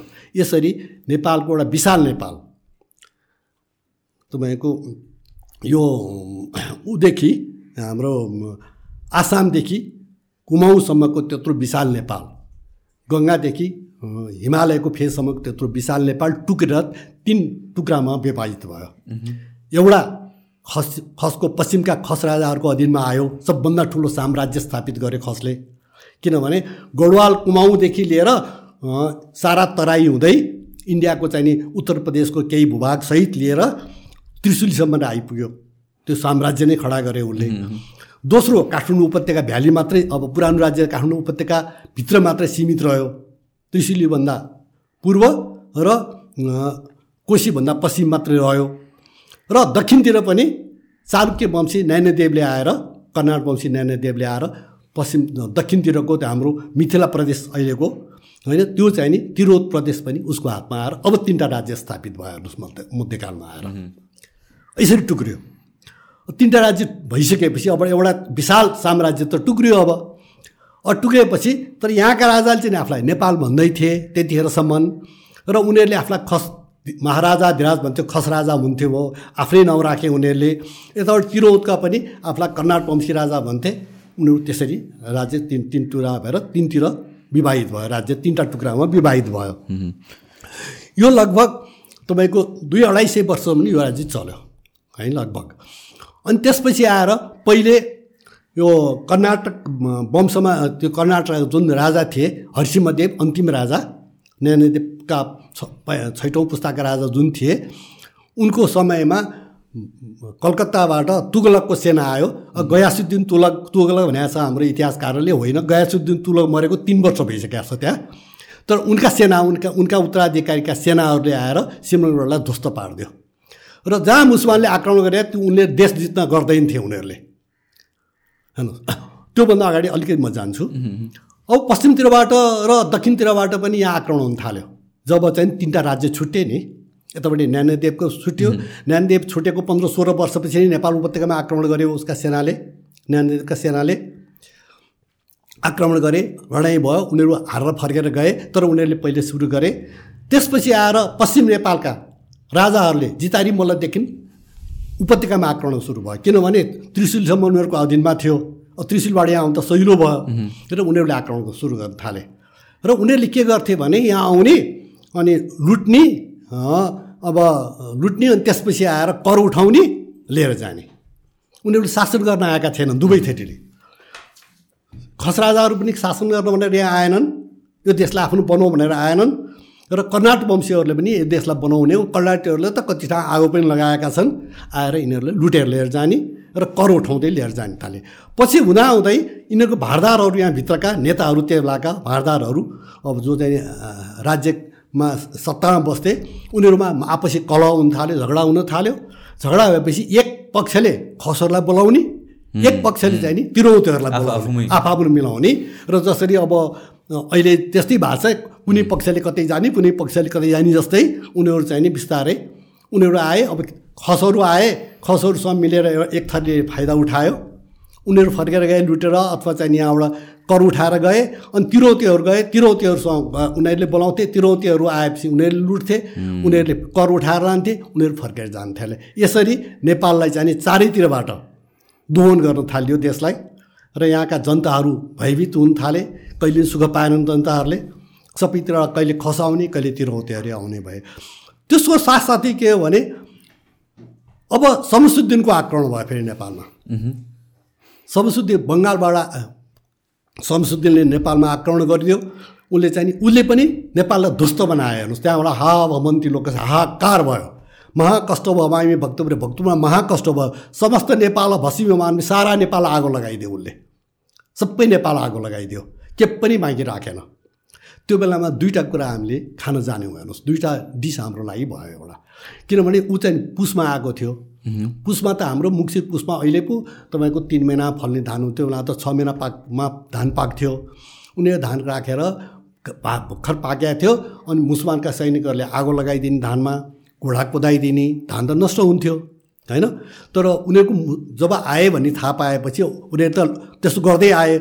बनेपातिरबाट त्यस्तो भक्तपुरतिरबाट त्यस्तो गर्दै आएपछि यहाँका उपत्यकाका मान्छेहरूले धानहरू काटेर कुनु बनाएर राखे। र अब त्यहाँ साग र मुलाहरू हुन्थ्यो।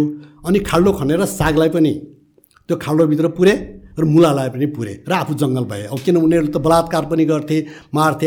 अब उनीहरूले आगो सागो लगाएर यहाँ भएका लुटेर लुटिँदै थिए। त्यतिखेर पशुपतिनाथलाई तिन टुक्रा पारेर फुटाए।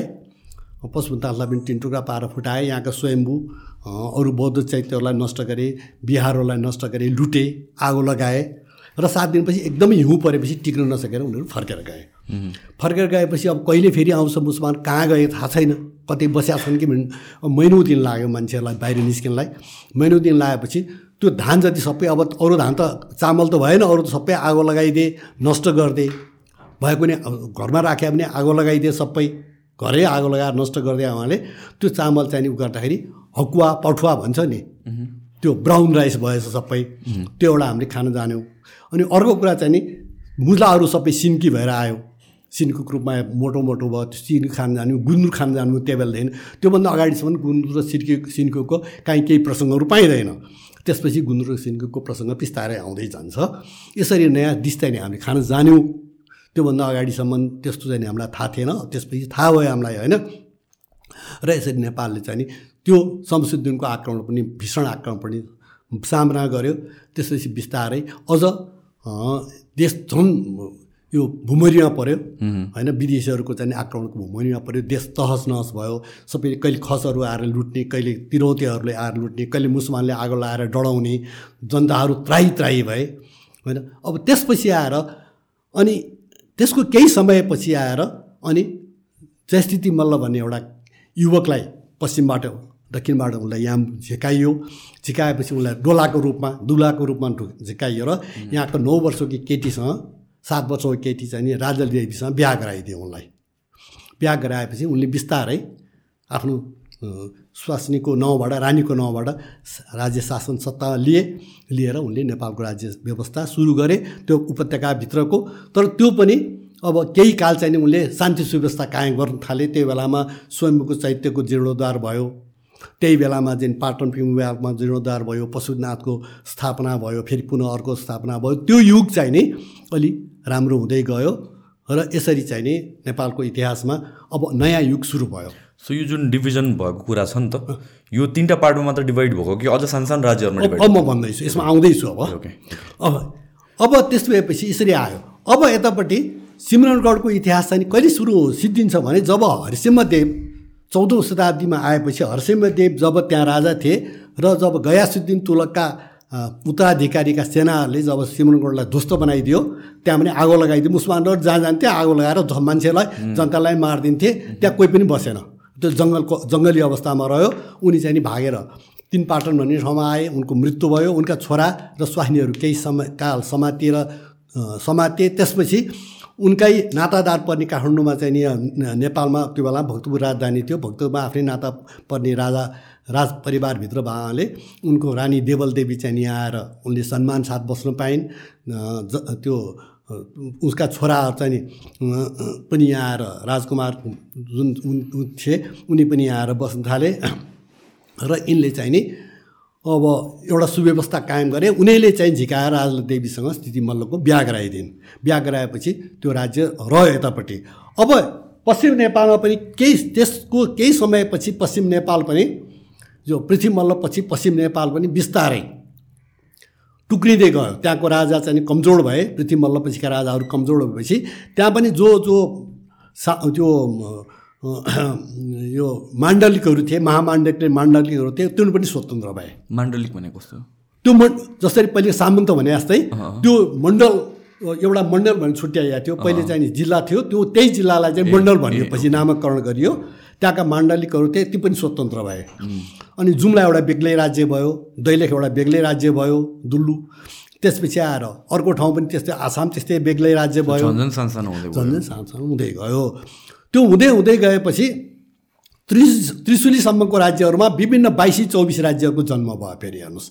बाइसी राज्य भनेका चाहिँ नि जुम्लाबाट आएका माण्डलिक र महामाण्डलिकहरूले जुन शासन गर्थे त्यसलाई बाइसी राज्य भन्न थालियो।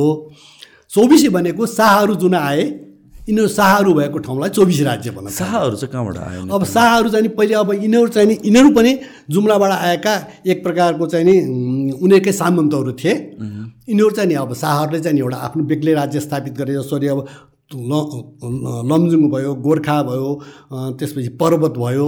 हाम्रो अहिलेको शाहहरू भने त्यही शाहको अ, त्यस हिसाबमा त्यसैबाट आएको जुम्लाबाटै आएका यिनीहरूको जुम्लाकै सामन्तहरू हुनेहरू जस्तो कि जस्तो कि शाहहरू भनेको त के अरे इन्डियाको मुस्लिम एराबाट आएको भनेर भनिन्छ। त्यो होइन? एउटा कुरा तपाईँले के म भनिदिन्छु भने त्यो बेलामा भारतमा खान र शाहहरू चाहिँ नि पावरमा थिए मुस्लिमहरू।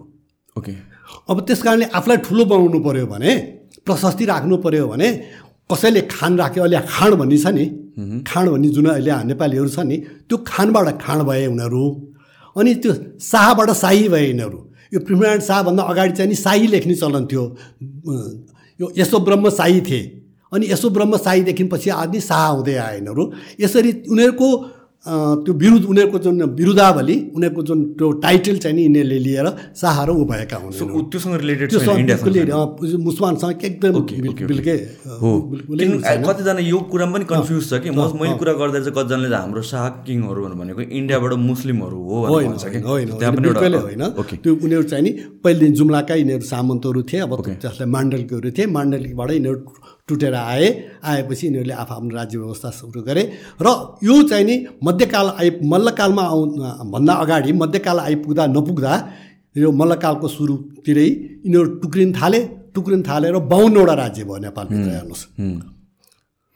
काठमाडौँ उपत्यकादेखि लिएर पश्चिम र पूर्वमा गएर बाहुन्नवटा राज्य भयो हेर्नुहोस्।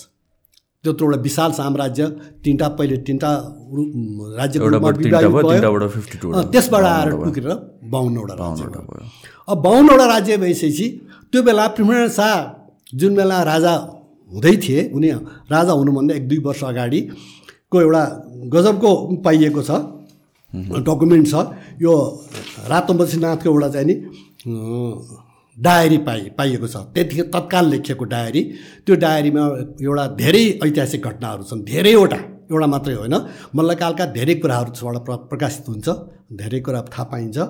त्यसमा के भनेको छ भनेदेखि यो विष्णु मल्लको समयमा जयप्रकाश मल्लले विष्णु मल्लका चाहिँ धेरै किल्लाहरू यता लामी डाँडादेखि लिएर सबै किल्लाहरू कब्जा गरे। कब्जा गरे भक्तपुरलाई पनि दुःख दिए जयप्रकाश मल्लले। अब यिनीहरू दुई दुइटै त्राई त्राई भएर यिनीहरूको सल्लाहले चाहिँ नि गोर्खाहरूलाई चाहिँ नि गोर्खालीहरूलाई नेपालमा आएर हामीलाई बचाइदेऊ जयप्रकाश मल्लको विरुद्धमा आऊ भनेर गोर्खालीहरूलाई भने। त पहिलेदेखि नै गोर्खालीहरू बेला बेलामा काठमाडौँ आएका थिए किनभने गोर्खालीहरूको सम्बन्ध गोर्खाको सम्बन्ध चाहिँ पाटनसँग विशेष सम्बन्ध थियो। जसले कृष्ण मन्दिर बनाए सिद्ध नरसिंह मल्लले त्यो बेलामा चाहिँ नि त्यहाँ राजा डम्बर शाह थिए। डम्बर शाहलाई उनले बोलाए र डम्बर शाह हात्ती लिएर आएका थिए तर जयप्रकाश मल्लले के प्रताप मल्लले खेदेर हात्तीलाई पनि उ गर्दै नष्ट गर्दै उनलाई चाहिँ नि भागेर जानु बाध्य बनाए। अँ, पाटनमा आउनै दिएनन्। त्योभन्दा पनि अगाडि रामशाहको पालामा यहाँबाट बाइस कोठी लगेर जुम्लामा के गोर्खामा राख्यो नेवारहरूलाई भनेर भनिन्छ। त्यो बेला रामशाहको पालादेखि नै पनि यो पाटनसँग अथवा भक्तपुरसँग चाहिँ नि राम्रो सम्बन्ध थियो। त्यसरी गएको थियो काठमाडौँसँग पनि अलिक कहिलेकाहीँ राम्रो हुन्थ्यो तर काठमाडौँसँग सधैँ काठमाडौँले चाहिँ नि भक्तपुरलाई पनि सन्तोषसँग बस्नु दिएन पाटनलाई पनि सन्तोषसँग बस्नु दिएन गोर्खालीहरूसँग त्यत्तिकै युद्ध गर्यो यसरी काठमाडौँको सुरुदेखि नै काठमाडौँको इतिहास त्यसरी गयो। ओके। काठमाडौँको अनि त्यसपछि के भयो भने अब विष्णु मल्लले जब सहायता मागे रण रणनीति मल्ल र विष्णु मल्लको सहयोगमा चाहिँ नि गोर्खालीहरूले आक्रमण गरे गोर्खाली आक्रमण गरेपछि जयप्रकाश मल्लले जति जितेका थिए त्यो सबै उनीहरूलाई फिर्ता दिए गोर्खालीहरूले आएर।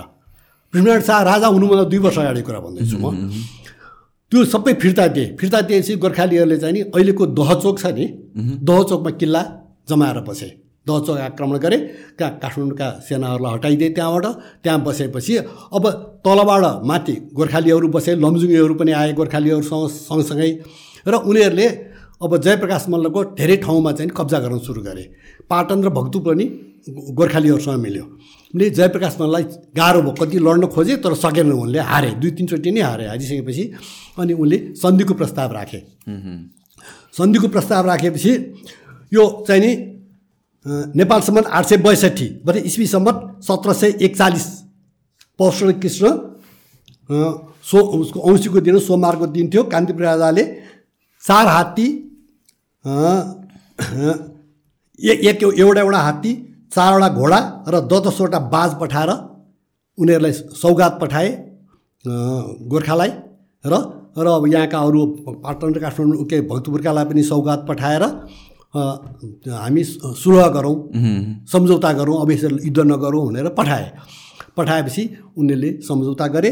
त्यसमा त्यसको साथसाथै हरेक त्यहाँ आएका जति भारदारहरू थिए त्यो मतलब भारदार भने सेनापतिहरू थिए तिनलाई तिन तिनवटा तरुणीहरू कोठा मचा पठाइयो। हेर्नुहोस् तरुणीहरू पनि दिए यिनीहरूले काठमाडौँबाट दिए र सन्धि गरियो यसरी। यसरी सन्धि गरेपछि बिस्तारै अनिखेरि काठमाडौँ भक्तपुर पाटन फेरि आफूसँग केही गरेर उगेर बसे। तर यो कुरा पृथ्वीनारायण शाहले राम्रै अध्ययन गरेका थिए किन पृथ्वीनारायण शाह बनारस पनि गए राजा भएपछि? त्यतिखेरसम्म चाहिँ राजा भएको थिएन त्यसको दुई वर्षपछि राजा दुई वर्ष दुई वर्षपछि उनी राजा भए। उनी हुन त पहिलेदेखि नै पावरमा थिए उनी किनभने उनका बाउ चाहिँ विक्षिप्त थिए अलिकति रोगी थिए। शासन गर्न योग्य थिएनन् र काखमा लिएर उसको आमा सौतिनी आमाले चाहिँ चन्द्रप्रभाले पृथ्वीनारायण शाहलाई काखमा लिएर पृथ्वीनारायण शाहको नाउँमा चाहिँ शासन गर्थिन्। र पृथ्वीनारायण शाहले त्यो देखिराखेका थिए। यिन त युवक थिए धेरै बुझेका थिए यिनले। पश्चिमतिरका राजाहरू पनि एक आपसमा मारामार गर्दै थिए। अब कहिले कास्की र तनहुको झगडा हुन्थ्यो कहिले गोर्खा र उसको दैलेखको झगडा हुन्थ्यो उनीहरू पनि मारामार थियो। यही बाइसी चौबिसहरूको नि आफूमा मेल थिएन र काठमाडौँमा त झन् मारामार थियो किनभने एउटा राजाले अर्को राजालाई परास्त गर्न खोज्ने एउटाको लुटेर अर्को ल्याउने प्रताप मल्लले त यो भक्तपुरमा भएका सिम्मसुद्ध लुटेर ल्याएर हनुमान ढोकामा राखे होइन? अब लुटेर मात्रै ल्याउने कुरा गर्ने एउटा एक एक रूप त कसैले ल्याएन अब त्यो कुरा पृथ्वीनारायण शाहले राम्रोसँग देखाएको थिएँ र उनले अब अङ्ग्रेजहरूको दक्षिणतिरबाट अङ्ग्रेजहरूको जुन एउटा जल्दो बल्दो प्रभाव चाहिने सर्दै थियो नेपालतिर आउँदै थियो। यसलाई अब जोगाउन सकिँदैन भनेको पृथ्वीनारायण शाहले राम्रै बुझे किनभने बनारस गए बनारसबाट हात हतियार किने उनले त्यहाँ बनारसबाट गएर चाहिँ उनले बिहा पनि गरे र उनीहरू फर्केर आएपछि उनी राजा भएपछि उनी गरेर आए। आइसकेपछि उनले देखे अब मैले केही गरिनँ भने देश रहँदैन अब। किन अङ्ग्रेजहरू यहाँ सबैको फुट छ अनि एकले अर्कोलाई चाहिँ बोलाउने र अब जयप्रकाश मल्लले अङ्ग्रेजहरूलाई पछि त बोलाएकै हुन् होइन? त्यसले गरिसकेपछि त अब हाम्रो देश रहँदैन भन्ने कुरा थाहा पाएपछि उनले अब यो अभियान सुरु गरे। योभन्दा अगाडि सुन्नु योभन्दा अगाडि चाहिँ नि कुनै पनि न खसरले यसलाई एउटा एकीकरण गर्ने अभियान लिएर आए यहाँ। उनीहरू त खालि पैसा लिने कर उठाउने लुट्ने फर्केर जाने। न तिरौतेहरूले गरे। यसलाई एकीकरण गर्ने कसैले सोचेन त्यत्रो विशाल साम्राज्यलाई एकीकरण गर्नुपर्छ भने कसैले उनले पनि यहाँ आउने आगो लगाउने लुट्ने कर उठाउने फर्केर जाने। र यो देशलाई केही गरेनन्। न त यहाँका मल्ल राजाहरूले प्रयत्न गरे। यहाँतिर एउटा मेरो क्वेसन के छ भनेपछि जस्तो कि पृथ्वीनारायण शाहले युनिफिकेसन हुनु भन्छ नि। म भन्दैछु यसमा आउँदैछु म। होइन? सो यो युनिफिकेसनको इन्टेन्सनले नै गरेको हो कि कि एक्सपेन्सन हो यो? होइन एक्सपेन्सन होइन। म तपाईँलाई बताइदिन्छु। उनको केही चिठीहरू छन् पृथ्वीनारायण शाहले लेखेका। यो मैले नेपाली भाषाको हजार वर्षमा पनि छापिदिएको छु त्यो चिठी चिठी। यो पूर्व नम्बर रामे साहबको मुइटार भन्ने ठाउँमा त्यहाँ रामचन्द्र पर्साईलाई उनले एउटा चिठी लेखेका छन्। पृथ्वीनारायण शाहको लालमोरै छ सक्कल लालमोरै छ। उनीहरूको सन्तानसँग छ त्यो। उनले के पनि त्यो भने जब अङ्ग्रेजहरू नेपालमा आउने भए यो कप्तान क्लिनकले को नेतृत्वमा चाहिँ नेपालमा आक्रमण गर्ने भयो त्यो बेला चाहिँ नि अठार सय चौबिस भनेपछि काठमाडौँ विजय गर्नुभन्दा एक वर्ष अगाडि कुरा। किर्तिपुर विजय भइसकेका छ गोर्खालीहरूको हातमा। जयप्रकाश मल्लले चाहिँ अब किर्तिपुर विजयपछि काठमाडौँ विजय पृथ्वीनारायण शाहले गर्छ भन्ने कुरा निश्चित भइसकेका थियो र अङ्ग्रेजहरूलाई सहायताको लागि अनुरोध गरेका थिए। अब रामदास बैरागी भन्ने एकजना जोगीको भेषमा जोगीलाई पठाएर चिठी लेखेर पठाएर हामीलाई सहयोग गर भनेर अङ्ग्रेजलाई बोलाएका थिए। यो कुरा चाहिँ नि त्यहाँका जनताहरूले त्यो मुइटारमा रामेसाप एरिया सबै चाहिँ नि काठमाडौँ अन्तर्गत पर्थ्यो। गोर्खाको थिएन त्यतिखेर। अब उनले देखे के भने जयप्रकाश मलले अङ्ग्रेजलाई बोलाएको छ अङ्ग्रेजै आएर लुट्छ मार्छ इन्डियामा त्यही गरे हो। र हाम्रो पनि भएपछि हामी त बाँच्न सक्दैनौँ। पनि यसलाई कसले रोक्न सक्छ भन्ने गोर्खालीले रोक्न सक्छ भन्ने कुरा रामचन्द्र पर्साई लाएर रामचन्द्र पर्साईले चाहिँ नि पृथ्वीनारायण शाहलाई भेट्न गएर उनले चाहिँ के पृथ्वीनारायण शाहबाट चिठी लेखेर पठाए। के भने अङ्ग्रेजहरू आउँछ भन्ने यहाँ हल्ला छ। यो साँचो हो कि होइन हामीलाई थाहा छैन। यदि ऊ आयो भने हामी त बाँच्न सक्दैनौँ। त्यस कारणले हामी के गर्ने हो? हामीलाई चाहिँ निर्देशन दिनुहोस् भनेर लेखेपछि पृथ्वीनारायण शाहले चिठी लेखेका छन्। तिमीले जुन चिठी पठायो मैले पाएँ। खुसी लाग्यो तिमीले यस्तो चिठी लेखेका रहेछौ। अङ्ग्रेज आउँछ भन्ने कुरा निस्तुक हो साँचो हो यो। अङ्ग्रेज आउँछ। अङ्ग्रेज भनेको बुवासो हो। आज ऊ आयो भने उसले विजय गर्यो भने हामी कसैले बाँच्नु पर्दैन। त जयप्रकाश मल्ल नेपाल भन्नु र गोर्खा भन्नु दुवै एकै हुन्। दुइटै ना दुवै गोरखनाथ हुन् त दुवै एकै हुन्। गोर्खा भने पनि काठमाडौँ भने पनि दुइटै चाहिँ नि हामी एउटै हौँ होइन? जसले खाए पनि आफैमा रहने छ। भने जयप्रकाश मल्लले जिते भने पनि नेपालमै रहन्छ नेपाली नै राजा हुन्छ। मैले जितेँ भने नेपाली नै राजा हुन्छ नेपाल नै हुन्छ देश। त अङ्ग्रेज भनेको बुवास हो आज आयो भने हिन्दुस्तान खानेले नेपाल छाड्ला भन्नु छैन। त्यस कारणले तिमीले चाहिँ मलाई मद्दत गर। मलाई के मद्दत गर भने हामीसँग अहिले पैसाको पनि गाह्रो छ। अन्न पानीको पनि गाह्रो छ। अङ्ग्रेजसँग लडाइँ गर्न हामी म यहाँबाट सेनाहरू मैले पठाउँदैछु। मेरा सेनाहरू त्यहाँ बसिया छन्। उसले चाहिँ तराईतिर गएर लड्नुपर्छ भन्ने उसले सल्लाह दिएको थियो। तराई जानु हुँदैन तराई गयो भने हाम्रो पेट पाउँछ हाम्रो सैनिक कति छ भन्ने कुरा उसलाई थाहा हुन्छ। हामीले जङ्गलमै बसेर डाँडै बसेर युद्ध गर्नुपर्छ। त्यस कारण त्यहाँ जानुहुन्न। र म पठाउँदैछु। अहिले तिन हजार रुपियाँ भयो अहिलेको काम टर्छ मलाई। तिन हजार रुपियाँ देऊ। अन्न पानीको पनि तिमीले पुग्दो मिलाऊ। र तिम्रा जति छन् आफ्ना झाराहरू त्यो बेला पैसा नलिकन लड्ने जाने झाराहरूलाई लिएर तिमी आऊ र तिमीले अहिले गऱ्यौ भने तिमीलाई पछि तिमीलाई म ठुलो सम्मान गरेर राख्छु। तिमीलाई र तिम्रो साउ ब्याज पनि चुक्ता गरिदिन्छु भनेर लेखा छ। भने मतलब के भने जयप्रकाश चन्दले मल्लले यहाँका मल्ल राजाले जिते पनि यो देश नेपालमै रहन्छ। नेपाली नै हुन्छौँ हामी। गोर्खाली जित्यो भने नेपाली नै हुन्छ तर अङ्ग्रेज भनेको बुवासो हो। ऊ आयो भने कसैले बाँच्नु छैन उसलाई नेपालसँगै नेपाल बनाउने त इच्छा रहेछ त पृथ्वीनारायण शाहलाई। त्यस कारणले उसले एक्सप्लेनेसन गर्ने मात्रै भयो भए गोर्खामा बस्थे नि। काठमाडौँमा किन आउँथे? गोर्खाबाट नभए नुवाकोटमा बस्थे? किन काठमाडौँमा आयो त? किनभने काठमाडौँमा आएर काठमाडौँको कल्चरलाई उनले एक्सेप्ट गरे हेर्नुहोस्। कुमारीको खुट्टामा ढोगे टिका लगाए कुमारीसँग चाहिँ नि तरबार साटासाट गरेर लिए होइन पृथ्वीनारायण शाहले। र कुनै पनि राजाले अर्को देशको रा देशमा गएर त्यहाँको चाहिँ देवता मान्नुपर्छ भन्ने जरुरी थिएन नि। होइन? उन चाहिँ शुद्ध हिन्दू थिए तर यहाँका बौद्ध बिहारहरूमा उनले चाहिँ थुप्रो लालमोहर गरिदिएका छ बौद्ध बिहारहरूलाई चाहिँ गुठी राखिदिएका छन् पहिलेका गुठीलाई थमौती गरिदिएका छन्। भनेपछि यहाँको सबै धर्म संस्कृति त उनीहरूले झगडा गर्नु बसे नि त। जहाँले म नेपाली हुँ यसलाई नेपालै बनाउँछु भन्ने उद्देश्यले हुने आएका देखिन्छ। र यसरी पृथ्वीनारायण शाहको पालामा पृथ्वीनारायण शाहले चाहिँ यो देशलाई यो बेग्लै देश हो म गोर्खा उनले गोर्खा त बनाएन नेपालै बनाए। नेपाल भन्नु गोर्खा भन्नु दुवै एकै हो भनेको छ। होइन? जसले खाए पनि आफैमा रहन्छ। हामी जसले जिते पनि हामीमै रहन्छ यो देश। अन्त जाँदैन भनेर उनले लेखेका छन्। यसबाट के प्रमाणित हुन्छ भने त्यो मात्रै होइन। पृथ्वीनारायण शाहको झन्डै झन्डै अहिलेसम्म डेढ सयवटा लाभ नोट प्रकाशित भइसकेका छन्। अरू कतिवटा प्रकाशित हुनु पनि बाँकी छ। सब वेल डकुमेन्टेड वेल सबै। तपाईँको सक्कलै तपाईँलाई म मसँग पनि छ। तपाईँलाई म देखाइदिन सक्छु। आएर हेर्नुभयो हुन्छ। त्यस्तो डकुमेन्ट्स उनको छ। त्यसबाट के थाहा हुन्छ भने पृथ्वीनारायण शाहले यसलाई यो युनिफिकेसन होइन भन्नलाई चाहिँ नि यो अर्को के प्रमाण छ त देखाउनु पऱ्यो नि होइन? एक्सप्लेनेसन गर्ने भए त किन गोर्खा नाउँ राख्थे नि? नेपाल राख्नु जरुरी थिएन नि उनले होइन? नेपाल सरकार भनेर लेखाएको छ त्योभन्दा पछिका डकुमेन्टहरूमा चाहिँ नि नेपाल सरकार भनेर लेखाएको छ। पहिले सुरु सुरुमा गोर्खा सरकार लेख्यो जुन बेलासम्म एउटा स्थायी भइसकेको थिएन जब स्थायी रूपले चाहिँ नि राजनीति स्थायी रूप लिइसकेको थियो। अनि नेपाल सरकार सुरु भइसकेको छ। अनि नेपाल बनाउने यत्रो प्रयास भयो प्रयत्न भएको छ पृथ्वीनारायण शाहबाट। र यसरी पृथ्वीनारायण शाहको समयमा नेपाल चाहिँ एउटा विशाल नेपालबाट नेपालको हेर्नुहोस् पूर्वमा पृथ्वीनारायण शाह धेरै टाढा गए। अहिलेको सिक्किमको सिमानासम्म उनी गए किनभने त्यहाँ चाहिँ नि यो पूर्वतिरका चाहिँ सेन राजाहरूको त्यहाँ शासन थियो। त्यो सेनाहरूको लागि चाहिँ उनले जिते।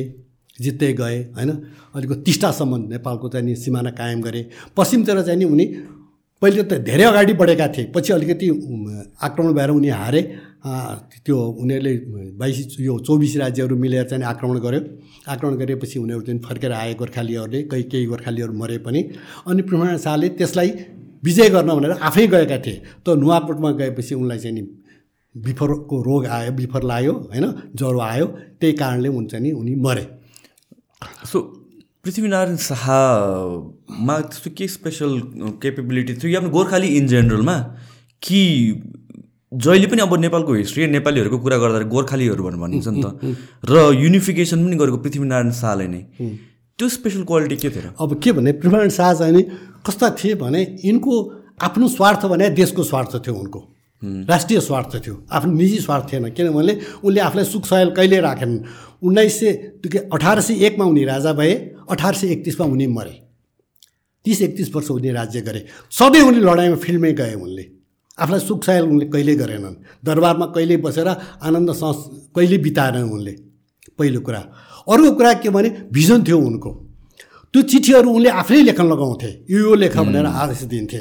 सबै चिठीहरू हेर्नुहोस् त कस्तो गहकिला चिठीहरू छन् उनका।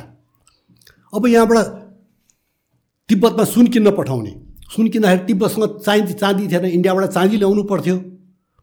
त्यो चाँदी दिएर चाँदीबाट टक छाप्नु पर्थ्यो तिब्बतीहरूलाई अनि त्यहाँबाट सुन लिइन्थे अब के भनेको छ भने सकभर सोह्रका भाउमै ल्याऊ। सोह्रका भाउ भएन भने अठारको भाउ भन्यो भने सकभर तोलामा अठार रुपियाँ भनेको छ सरको सोह्रमा ल्याऊ नभए पनि त्यति नै तिर रुपियाँ ल्याऊ भनेको छ।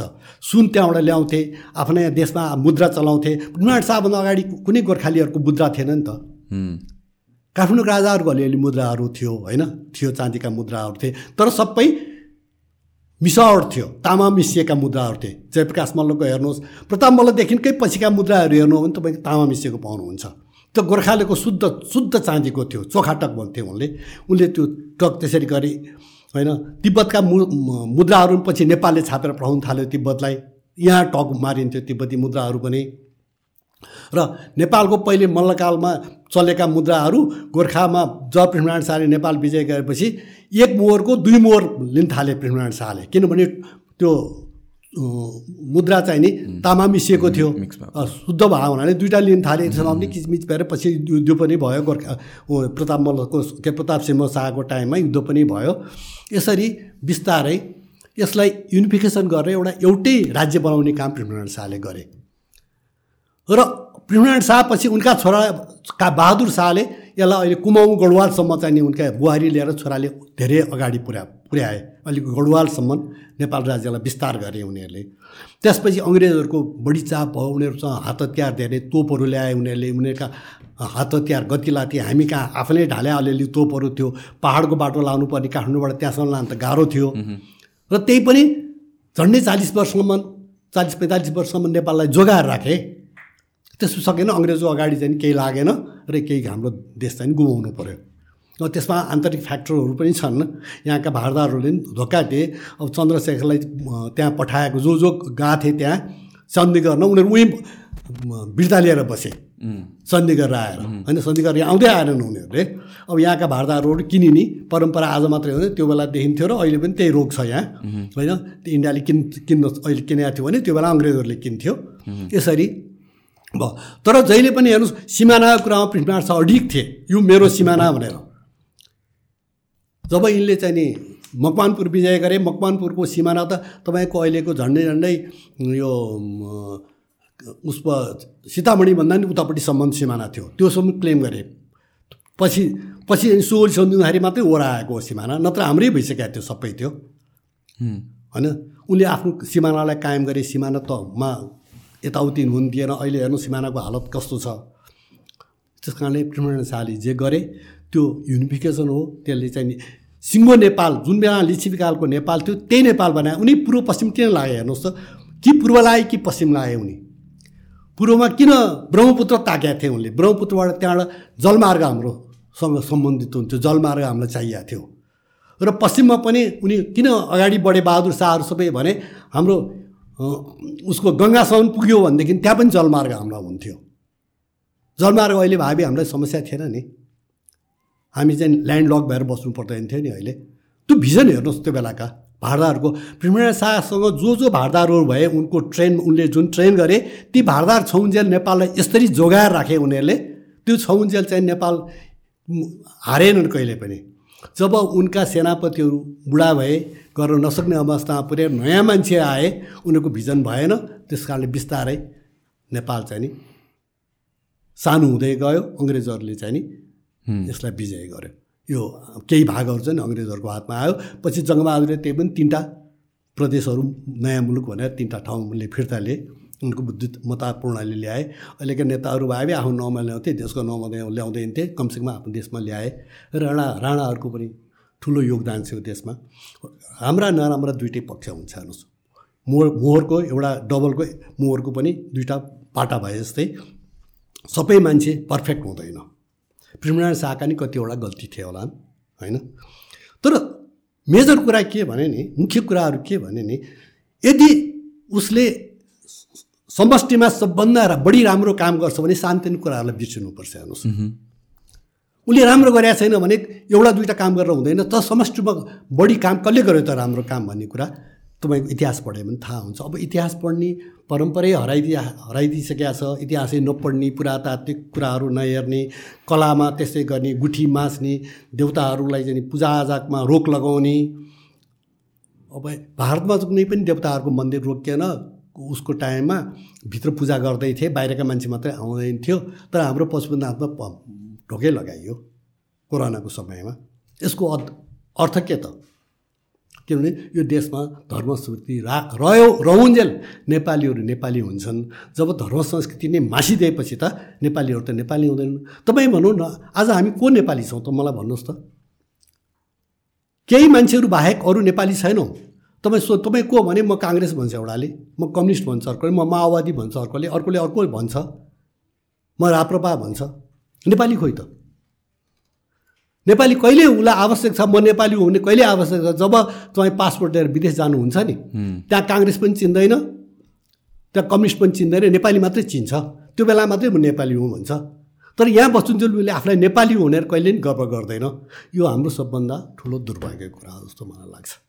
ल अब केही सोध्नुहोस् भने सोध्नुहोस् आई थिङ्क हामीले प्रिटी मच कभर गरिसक्यो पृथ्वीनारायण शाहको हेरासम्म यहाँ नै सघाउनु पर्ला आजको लागि होइन ठ्याक्क तपाईँको टाइम पनि त्यतिकै भयो।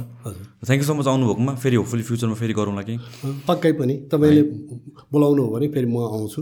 किनभने केही फरक पर्दैन।